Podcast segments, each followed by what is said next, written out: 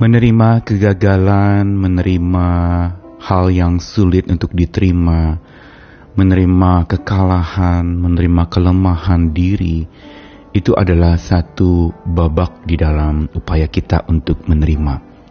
Tetapi ada babak berikutnya dan yang lebih sulit dari sekedar menerima sesuatu, yaitu menerima seseorang, menerima orang lain, menerima pribadi-pribadi yang punya kekuatan dan kelemahannya masing-masing.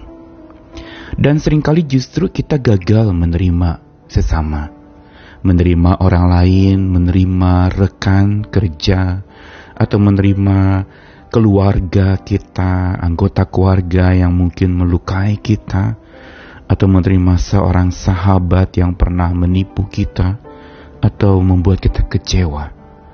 Ini adalah sebuah babak dan perjuangan yang lebih berat dari sekedar menerima kekalahan, kegagalan, atau kesusahan hidup. Karena itu kita perlu belajar kali ini untuk menerima sesama kita adalah hal yang sulit memang untuk menerima orang lain bila di dalam hati kita masih berkecamuk berbagai macam perasaan yang menyebabkan kita tidak bisa menerima diri kita sendiri. Kalau di dalam hukum kasih dikatakan kasihilah sesamamu manusia seperti dirimu sendiri, memberitahu kepada kita bahwa keduanya itu berkaitan. Kalau kita bisa menerima kelemahan diri kita sendiri, maka kita akan lebih mudah untuk menerima kelemahan orang lain.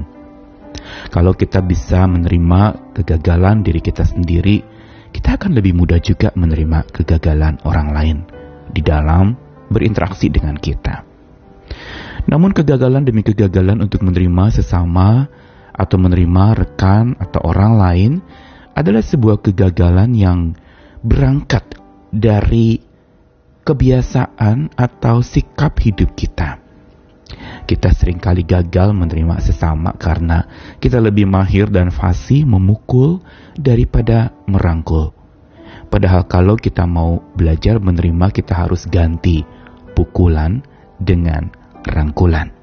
Saya Nikolas Kurniawan menemani di dalam Sabda Tuhan hari ini dari satu bacaan di kejadian pasal 4 ayat 8 sampai 9 tentang kakak beradik Kain dan Habel. Kata Kain kepada Habel adiknya, marilah kita pergi ke padang. Ketika mereka ada di padang, tiba-tiba Kain memukul Habel adiknya itu, lalu membunuh dia. Dan firman Tuhan datang kepada Kain, di mana Habel anak adikmu itu? Jawabnya, aku tidak tahu. Apakah aku penjaga adikku? Sekelumit percakapan singkat ini antara Kain dengan Habel sebelum dia memukul dan membunuh Habel memberitahu kepada kita betapa memang sulitnya dan rumitnya seseorang yang ada di dalam dosa untuk bisa menerima satu dengan yang lain. Ada sebuah kebencian dan kita tahu sendiri kisah Kain dengan Habel di mana Kain begitu menjadi iri, panas hati ketika persembahan Habel adiknya itu dia anggap diterima lebih baik oleh Tuhan daripada persembahannya. Dan muncullah panas hati yang menggerakkan amarah yang luar biasa sampai lalu kemudian perhatikan bagaimana cara Kain memperlakukan Habel. Dia ajak adiknya itu untuk pergi ke padang sebuah undangan, ajakan yang halus yang tampaknya memang tidak mencurigakan. Tetapi justru ketika tiba di padang, kita lihat bagaimana Kain memukul Habel sampai membunuhnya. Dan ini merupakan sebuah bagian dan catatan yang memberitahu kepada kita betapa mudahnya manusia. Sejak manusia perdana itu berdosa, maka manusia dengan sesamanya menjadi saling melukai. Tetapi cara Kain melukai Habel adalah sebuah cara sembunyi-sembunyi yang tampaknya merupakan sebuah undangan yang baik. Tampaknya rekan yang sangat akrab. Tampaknya kakak beradik yang harmonis dan penuh kasih mesra. Mengajak berjalan-jalan ke padang tetapi justru di sana Kain memukul Habel sampai mati. Sebuah tindakan yang sama sekali kita sebut tidak gentle karena apa yang dilakukan oleh Kain kepada Habel adalah sebuah cara atau tindakan yang tidak terus terang memberitahukan apa yang dirasakan oleh Kain kepada Habel. Tetapi dengan cara diam-diam, dengan cara halus, seolah-olah mengajak untuk satu hal yang baik tetapi malah yang terjadi hal yang buruk. Apa yang dilakukan oleh Kain adalah sebuah tindakan memukul dari belakang. Dan di sini tampak bahwa memang manusia berdosa lebih mahir dan lebih fasih untuk memukul dari belakang daripada memberitahu kesalahan orang lain terang-terangan. Dan ini cara yang sering kali juga manusia lakukan ketika dia membenci orang lain, membenci sesamanya, tapi di depannya diam-diam dia mengasihi, diam-diam tampaknya dia begitu baik, akrab dan hangat, tetapi di belakangnya dia menyengat, dia menikam dari belakang, memukul dari belakang, bagaikan musuh di dalam selimut. Dan inilah kegagalan utama kita untuk menerima sesama kita. Kita menjadi pribadi-pribadi yang justru sembunyi-sembunyi membenci, tetapi di depan tampak mencinta luar biasa. Ingatkah kita akan Yudas Iskariot yang mengkhianati gurunya Yesus Kristus? dengan cara menciumnya dan menganggap gurunya itu adalah sosok yang disayangi dengan ciuman itu. Tetapi toh akhirnya Yudas Iskariot menjual Yesus, mengkhianati Yesus, dan itu yang membawa Yesus ke kayu salib. Dan di sinilah kita melihat bagaimana kegagalan Kain terhadap Habel, juga Yudas kepada Yesus, memberitahu kepada kita ini adalah satu catatan cacat tentang diri kita sendiri. Kita gagal terima orang lain karena kita lebih mahir dan fasih memukul dari belakang daripada terang-terangan memberitahukan atau terang-terangan menyampaikan isi hati, berbincang, berunding secara pribadi empat mata.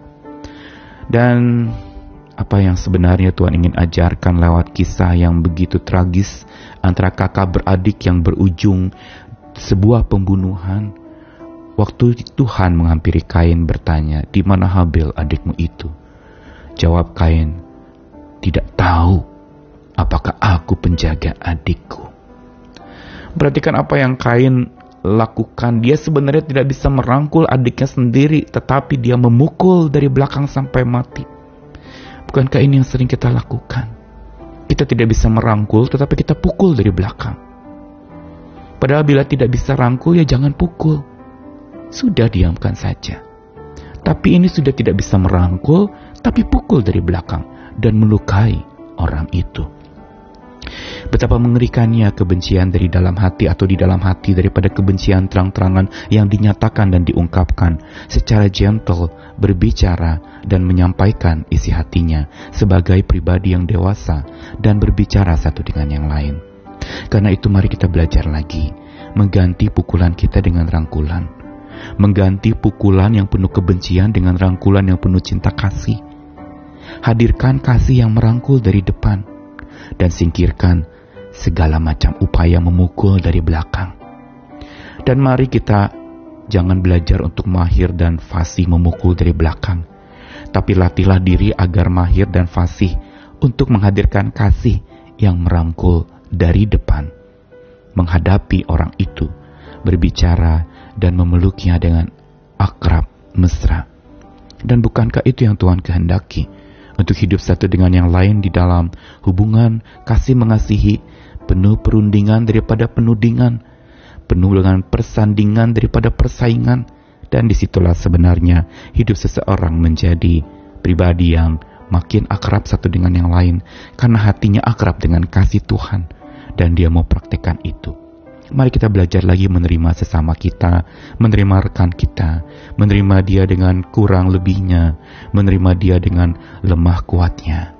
Sehingga dengan demikian kita belajar jadi pribadi-pribadi dewasa yang mempraktikkan iman dalam bentuk cinta kasih yang nyata. Tuhan mengasihi kita sekalian, ayo belajar mengasihi lagi, ayo ganti pukul dengan rangkul. Ganti segala macam persaingan dengan kasih sayang. Tuhan yang kita praktekkan. Tuhan mengasihi kita sekalian. Amin.